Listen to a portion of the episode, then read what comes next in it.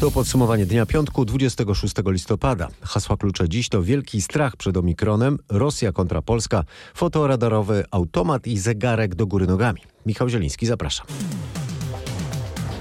Świat zelektryzowała dziś wieść o nowym wariancie koronawirusa, odkryty na południu Afryki, nazwany już przez Światową Organizację Zdrowia grecką literą Omikron, ma znacznie więcej mutacji niż wariant Delta. W Republice Południowej Afryki zidentyfikowano już ponad 100 przypadków zakażeń tą nową odmianą.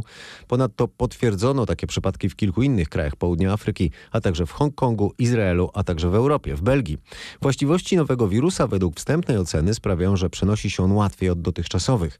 Jeśli chodzi o przebieg choroby, na razie trudno cokolwiek wyrokować, mówią naukowcy. Na razie znaleziono niewiele przypadków, a badania wymagają czasu. Główne pytanie jednak brzmi, czy ten nowy wariant jest bardziej odporny na szczepionki. Na razie świat zareagował nerwowo. Szereg krajów wprowadziło już zakazy podróży z południa Afryki. Zanim pod wieczór taką decyzję ogłosiła Unia Europejska, swoje decyzje podjęły Niemcy, Włochy, Austria, Holandia, Hiszpania, Dania, a także Francja. Francuski minister zdrowia Olivier Véran ogłosił natychmiastowe wstrzymanie lotów nie tylko z RPA, gdzie wariant odkryto, ale z całej południowej części kontynentu afrykańskiego. Według niektórych paryskich ekspertów nowa południowoafrykańska odmiana koronawirusa przeszła aż 32 zmiany mutacyjne w porównaniu do wariantu chińskiego. Może ona być nawet trzykrotnie bardziej zaraźliwa niż wariant Delta i nie wiadomo na razie, czy dostępne na rynku szczepionki są wobec niej skuteczne. Francuski minister zdrowia podkreślił, że budzi to duży niepokój. Z Paryża relacjonował Marek Gładyża. Zakazy podróży z południa Afryki wprowadziły również na przykład Wielka Brytania czy Kanada. Za chwilę wrócimy do kwestii nowego wariantu. Powiemy o panice na rynkach i o tym, jak głębokim spadkiem zareagował zwłaszcza rynek ropy. Powiem też o tym, co czeka polskich piłkarzy w barażach, których stawką jest gra na mundialu. Ale najpierw inne tematy dnia. W kraju głośno było o Czarnym Piątku. Przed jednym z wrocławskich centrów handlowych o wyprzedaże pytał przechodniów nasz reporter Paweł Pycki. Czy pani na coś konkretnego poluje? Na sweterek. Duże obniżki są? Nie, myślę, że są podobne ceny jak normalnie i myślę, że to taki zabieg marketingowy przed świętami. Wszyscy chcą prezenty już kupić, patrzą, niby obniżka biorą i się nabierają. Ale jednak pani przyszła. Tak z ciekawości. Mamy Black Friday, prawda? No, tak, Czy tak. panią to przyciągnęło jakoś do sklepu? Eee, po większej części tak. A na co pani poluje? Poluję na pralko suszarkę. I są duże obniżki? Nie. Jestem po prostu rozczarowana. To chyba była tylko wielka reklama. Nic więcej. E, czy okazja? No właśnie jestem na świeżo, chodzę, patrzę po tych sklepach i takie te okazje słabe, bardzo słabe jak dla mnie. E, tam 20% od ceny regularnej, no to co to za okazja, tak? Także średnio, średnio. Wrocław słabo, Polska słabo, Ameryka tam Black Friday, oczywiście, a u nas słabizna. Ale widzę, że jakieś dwa pudełka tutaj są. No ale to są takie właśnie te 20% biedne przez internet zamówione. No gdzieś tam są jakieś promocje na tych ciuchach przez internet, ale to ostatnie sztuki, co już ich nikt nie chciał, to dadzą 40%, oczywiście, ale to już takie bidne ciuchajdy. Black Friday, amerykańskie święto wyprzedaży, przyjęło się w wielu krajach. W Polsce na razie te wyprzedaże są, jak słyszycie, symboliczne. Potwierdzają to również badania rynkowe. Ale tematem dnia są raczej przeceny na rynkach akcji i surowców. Szczególnie dotyczy to ropy, a powodem jest właśnie wspomniany Omikron. Przyczyną paniki jest otwarte na razie pytanie dotyczące skuteczności szczepionkowej ochrony przed tą odmianą. I yy, nie wiadoma na razie reakcja świata. Yy, Ceny ropy mocno dzisiaj spadły. Takiego spadku nie było od dawna. Jeszcze yy, po południu to było 6%, ale wieczorem już te spadki były dwucyfrowe, sięgały 12%. Mówi ekspert rynku paliw Wojciech Jakubik. Kolejny nowy szczep koronawirusa może zamknąć nas znowu w domu i spowolnić y, gospodarkę. Spełnia się czarny sen o czwartej fali koronawirusa. Te głębokie spadki sprawiły, że cena ropy wróciła do poziomu z sierpnia. I gdyby nie spadek wartości złotego od tego czasu, moglibyśmy liczyć, gdyby oczywiście te spadki się utrzymały, na powrót ceny litra benzyny i oleju napędowego w dużym przybliżeniu w rejon 5 zł i 50 groszy.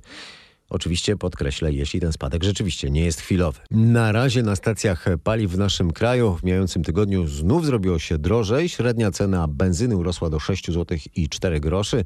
Mówię o benzynie 95, a oleju napędowego do 6 zł i 5 groszy. Nowa globalna niepewność plus tarcza antyinflacyjna, a dokładnie obniżenie akcyzy na paliwo przez rząd powinny sprawić, że ceny paliw wyraźnie się obniżą. Więcej na ten temat pisze na rmf24.pl w tekście Paliwo może znów kosztować 5,50. A co wiemy o tym wirusie? Jakie są zalecenia polskich lekarzy? Nasz reporter Michał Dobrowicz rozmawiał o tym z prezesem Towarzystwa Epidemiologów i Lekarzy Chorób Zakaźnych, ekspertem Rządowej Rady Medycznej, profesorem Robertem Flisiakiem tak jak przy wszystkich wariantach, które nam się pojawiały, e, dowiadywaliśmy się dopiero wtedy, gdy widzieliśmy, że dany wariant e, wypierać zaczyna ten poprzedni.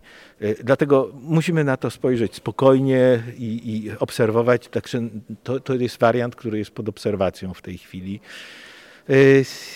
Nie sądzę, żeby on zmienił zbyt dużo Natomiast, bo, bo y, zgodnie z wiedzą, jaką przekazują nam y, genetycy wirusologiczni, to zmiany, jakie dokonały się w delcie, są już tak zaawansowane, że nie dają tak jakby przestrzeni na zwiększenie przylepności wirusa do receptorów.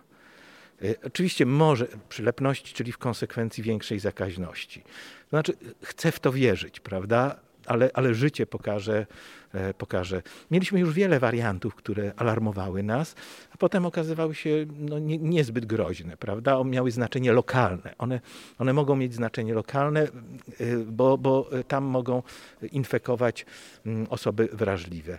Natomiast e, istotne jest, czy, czy, czy, czy, czy ten wariant zacznie dominować nad deltą ten wariant ma podobno dużo kolców. Ten przypadek właśnie tego wirusa, to może być niebezpieczne, to może się jakoś przekładać na zakaźność? No, to jest teoretycznie, faktycznie ten element, który może zwiększać.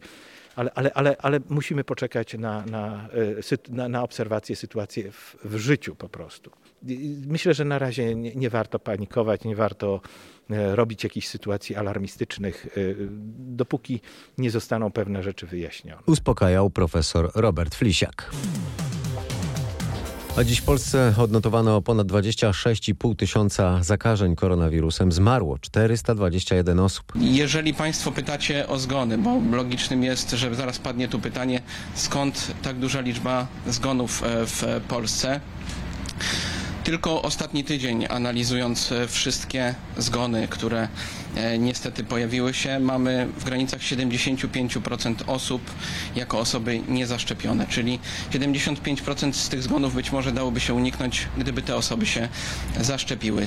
Pośród pełni zaszczepionych osób, spośród tych 25%, 25% e, osób w pełni zaszczepionych, które niestety nie wygrały walki z COVID-em, 82%, podkreślam 82%, to są osoby z wielochorobowością, i z upośledzoną odpornością.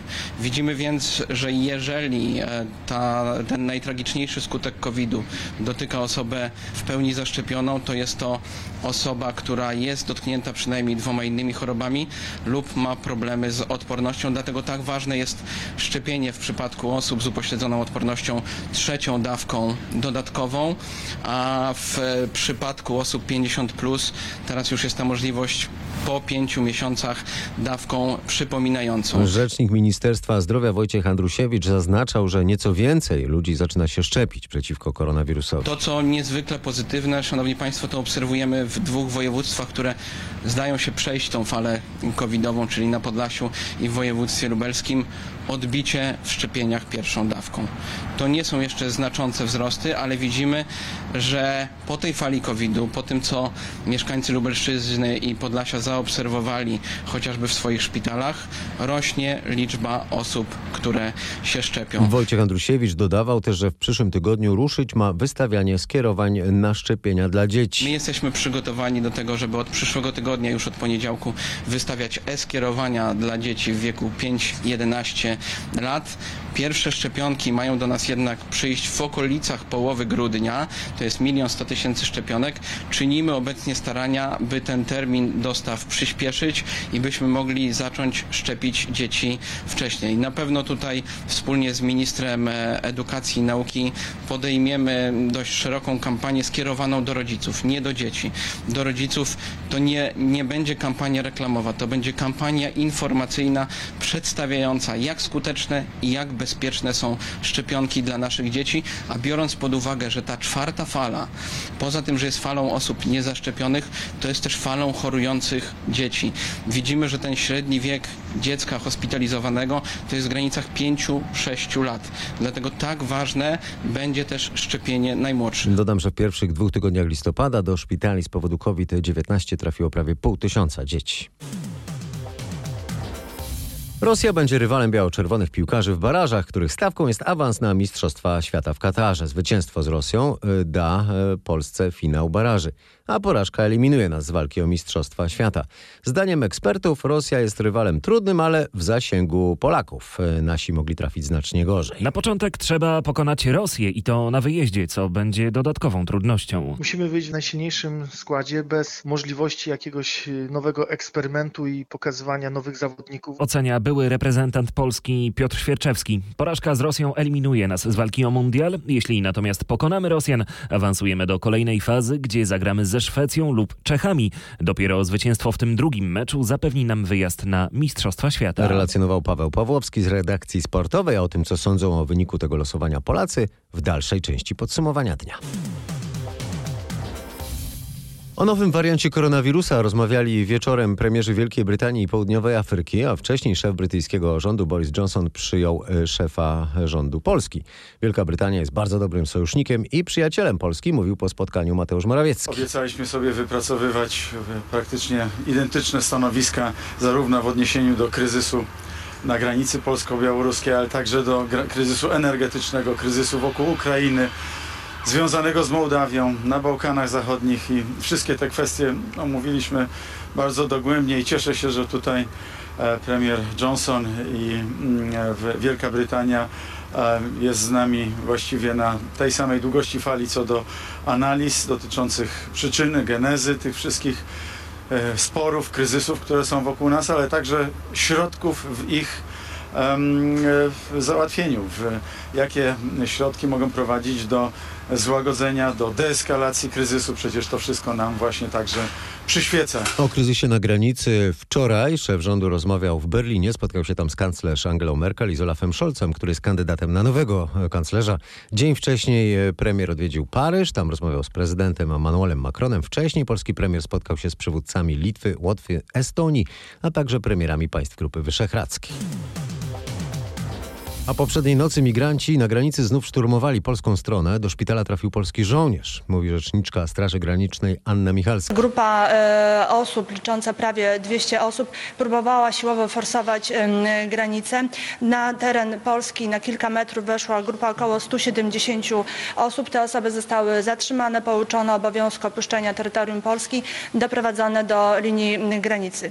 W wyniku tych zdarzeń ucierpiał e, żołnierz Wojska Polskiego, został uderzony kamieniem e, w głowę, został przewieziony e, do szpitala, tam opatrzony. Również e, dwóch cudzoziemców wezwaliśmy do nich zespół ratownictwa medycznego. Kobieta skarżyła się, że źle się czuje, natomiast mężczyzna e, miał duszności, prawdopodobnie to astma. Te osoby są w tej chwili w szpitalu, ale stan ich zdrowia jest e, stabilny. Rzeczniczka Straży Granicznej była też pytana o wieczorny bunt w ośrodku dla cudzoziemców w Wędrzynie w Lubuskiem. Osoby chciałyby się wydostać e, na zewnątrz i dostać się do Niemiec, bo z takim zamiarem nielegalnie przekraczały granicę z Białorusi do Polski. Wczoraj ta e, agresja się nasiliła, osoby użyły e, mebli, tego co było w pokojach, bo osoby nie mają e, umieszczone w ośrodkach, nie mają niebezpiecznych narzędzi. Zaczęli demolować e, ten, ten ośrodek, niszczyć, niszczyć go. Wybiły, zostały wybite między innymi szyby. My zaczęliśmy prowadzić negocjacje.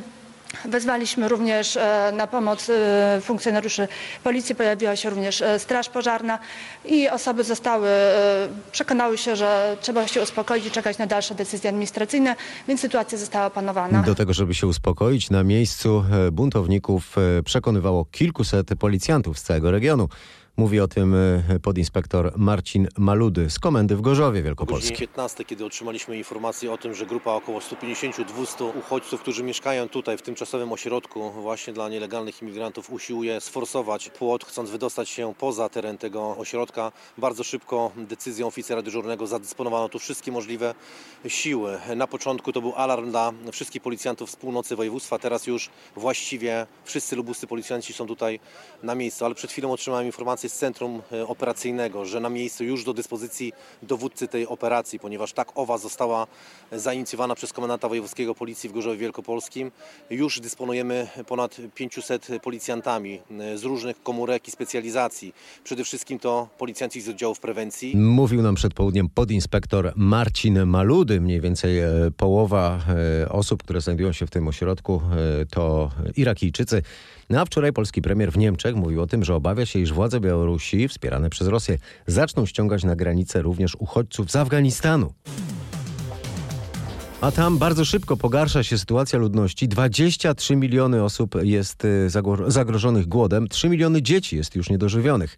Mówi o tym Patryk Kugiel, ekspert Polskiego Instytutu Spraw Międzynarodowych. Mamy doniesienia od e, międzynarodowych organizacji, że no, spodziewają się największego kryzysu humanitarnego w historii. Jeden z e, przedstawicieli Światowego Programu Żywnościowego powiedział, że w zasadzie spodziewa się piekła na ziemi w Afganistanie tej zimy. Tak? Na to się oczywiście złożyło kilka różnych czynników. Mieliśmy w tym roku prawda, i tą ofensywę talibów, działania wojenne, mieliśmy suszę, mieliśmy powodzie w różnych częściach Afganistanu, mamy COVID e, jako tą no, globalną globalne wyzwanie, które też oczywiście nie omija Afganistanu. No ale najważniejsze z tego wszystkiego jest to, że doszło do zmiany władzy i w efekcie świat trochę zapomina o Afganistanie i no, wykorzystuje pomoc rozwojową jako narzędzie presji politycznej na, na talibów, co niestety odbija się negatywnie na zwyczajnych Afgańczykach, którzy po prostu no, nie dostają pensji od kilku miesięcy, nie ma e, pieniędzy na to, żeby zarządzać po prostu tym państwem. W związku z tym sytuacja humanitarna jest tragiczna. 80% wszystkich wydatków w Afganistanie było pokrywane ze środków międzynarodowych. Tak? To, to, to, to Bank Światowy, państwa rozwinięte płaciły tak naprawdę za wypłaty dla kilkuset tysięcy pracowników administracji, dla 250 tysięcy nauczycieli, dla pracowników służby zdrowia, prawda, różnych służb publicznych. I ta pomoc została po prostu z dnia na dzień zredukowana. Afganistan otrzymywał e, około 8 miliardów dolarów pomocy międzynarodowej do e, 15 sierpnia tego roku i nagle z dnia na dzień te pieniądze zniknęły. W związku z tym to powoduje też ogromny kryzys gospodarczy i, i brak płynności finansowej. W związku z tym tam po prostu nie ma, e, nie ma pieniędzy w gospodarce. Tak? Te kilka milionów ludzi, którzy otrzymywali swoje pensje dzięki pomocy międzynarodowej, no oni zapewniali no, jakiś też obieg e, pieniądza w gospodarce. Tak? Mogli sobie kupić chleb, mogli kupić inne rzeczy. Nagle zostali pozbawieni całkowicie środków do życia. Wyjaśnia Patryk Kugiel z Polskiego Instytutu Spraw Międzynarodowych. Słuchacie podsumowania dnia. E, Teraz e, o nowych zasadach płacenia mandatów wystawionych, nazwijmy to, przez fotoradary. Twój samochód to twój mandat. Zbliża się koniec unikania płacenia takich mandatów z fotoradarów. Dzisiaj ściągalność takich kar nie przekracza 50%, ale Ministerstwo Infrastruktury zamierza zmienić zasady egzekucji kar za przekroczenie e, prędkości. To właściciel samochodu zapłacić e, ma mandat, jeśli nie wskaże, kto przekroczył prędkość e, lub gdy wskazana osoba będzie unikała kary. Zapowiada to wiceminister infrastruktury Rafał Weber. Podstawowym założeniem jest przejście z trybu wykroczeniowego, który w tej chwili ob- obowiązuje na tryb e, wykroczeniowo-administracyjny, czyli w pierwszej części e, egzekucji takiego wykroczenia postępujemy na bazie obecnych przepisów, natomiast jeżeli ten, do którego trafia korespondencja, z reguły jest to właściciel pojazdu, nie odpowiada na nią albo nie wskazuje osoby, która akurat wtedy jechała tym samochodem i która była mm, powodem zarejestrowania wykroczenia drogowego, to on ponosi e, za to odpowiedzialność. Także to tak w dużym skrócie, w dużym e, uproszczeniu, tak bym widział e, uszczelnienie tego systemu egzekucji mandatów z fotorady. Wiceminister infrastruktury mówił też o tym, że od czerwca, kiedy zaczęły obowiązywać nowe przepisy nadające pieszym absolutne pierwszeństwo podczas wejścia na pasy, doszło do niemal 40% spadku liczby ofiar śmiertelnych na przejściach dla pieszych. Przepisy, które weszły w życie 1 czerwca bieżącego roku nadały pierwszeństwo pieszym wchodzącym na przejście dla pieszych. Były obawy niektórych środowisk, że te przepisy negatywnie wpłyną na BRD.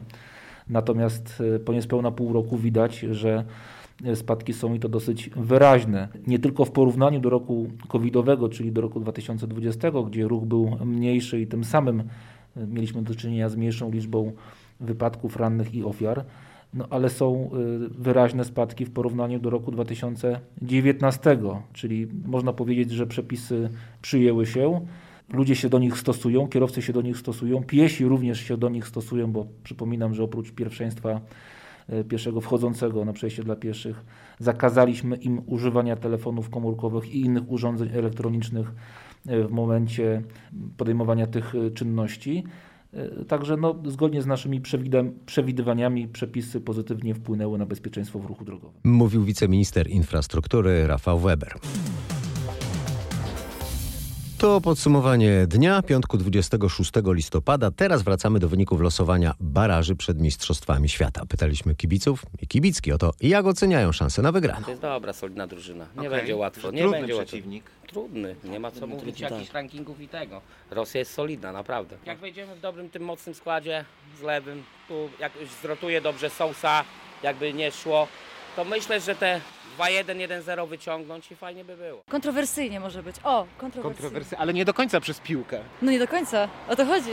Jest cała otoczka, jest tylko, nie tylko piłka, tylko są też inne rozgrywki polityczne wokół tego. To są takie mecze, wie pan, tak jak Polska, Niemcy, Polska, Rosja. No, to... no właśnie, to są zawsze takie, no budzą takie historyczne Ale ja też. mam nadzieję, że to są też takie pozytywne, no bo to jednak jest sport, więc to jakby tak odwraca trochę uwagę od takich trudnych problemów. No teraz mam jakąś złość, tak, a jak już jest ten mecz, no to widzę piłkarzy, widzę mecz. Nie, to są takie dobre emocje. Mówili kibice w Warszawie. A teraz jeszcze o tajemnicy zegarka Jarosława Kaczyńskiego. W porannej rozmowie w RMF FM Robert Mazurek e, gościł Marka Suskiego, polityka bliskiego liderowi PiS i zapytał go o konferencję sprzed kilku tygodni. Jarosław Kaczyński przysypiał, ale za to dowiedzieliśmy się, że ma telefon komórkowy bo mu dzwonił. Zegarek założony tak, tak jak to niektórzy mówili, w sposób taki, żeby rozmówca wiedział, ile czasu Ale właśnie, to, e, rozmawia. Dobra, pan zna Jarosława Kaczyńskiego, prawda? Tak. Osobiście. Znam. Od dawna. Mhm. To niech mi pan powie, o co kaman z tym zegarkiem, bo ja zupełnie nie rozumiem. Ja też nie wiem o co chodzi, dlaczego, dlaczego ludzie się tak być... czepiają. No nie, ale dlaczego on miał ten zegarek tak założony? Rozumiem, że źle założył, no bo nie ma żadnego powodu, żeby sobie zegarek do góry jakoś ale tam to, nogami zakładać. No to naprawdę... No dobra, ja mam zegarek. Zaraz. Czepianie Robimy się, sobie... Nie, nie czepiam się, to jest do... dla zabawy. No dobrze, ale jak ja mam tak... No i co? To pan teraz widzi, która jest godzina. No widzę. No i... Ale ja nie widzę. Jak to nie? Ja, ja widzę. Ja muszę sobie tak no ja na przykład, oglądać. Ja na przykład czytam do góry nogami. E, zresztą, geniusz, e, geniusz. Tak, no, geniusz. być może, wie pan, znaczy, to jest nawiązanie do Leonarda da Vinci, który szyfrem w lustrze czytał, więc nie no, wie pan, to, to, to przecież czy to się patrzy tak na zegarek, czy tak, to trzy godziny odczyta. Nie, a, no, nie odczyta się, jestem idiotą w takim razie, już, ja nie odczytam. To już, to już Panie nie, dobrze, a teraz pytanie serio. Ja ostatnio namalowałem taki obraz, który E, nawiązywał do Leonarda da Vinci. Myślę, że nazwał pod... go pan idiota i chciał mi podarować. Pod... Nie. E, I podpisałem go tak jak Leonardo da Vinci w lusterku, żeby właśnie było trudniej przeczytać. Geniusze chodzą polskimi, mazowieckimi drogami po prostu. Jak nie Chopin, to Suski. Ile czasu zostało do końca podsumowania dnia? Nie trzeba geniusza, żeby się domyślić, że kończą się 24 minuty podsumowania najważniejszych i najciekawszych wydarzeń ostatnich 24 godzin. To był dzień największych od półtora roku spadków na giełdach e, w Europie i w Stanach Zjednoczonych i dzień załamania cen ropy, a także dzień, którym polscy piłkarze, no i kibice poznali rywala w barażach. Michał Zieliński, dziękuję za uwagę i do usłyszenia.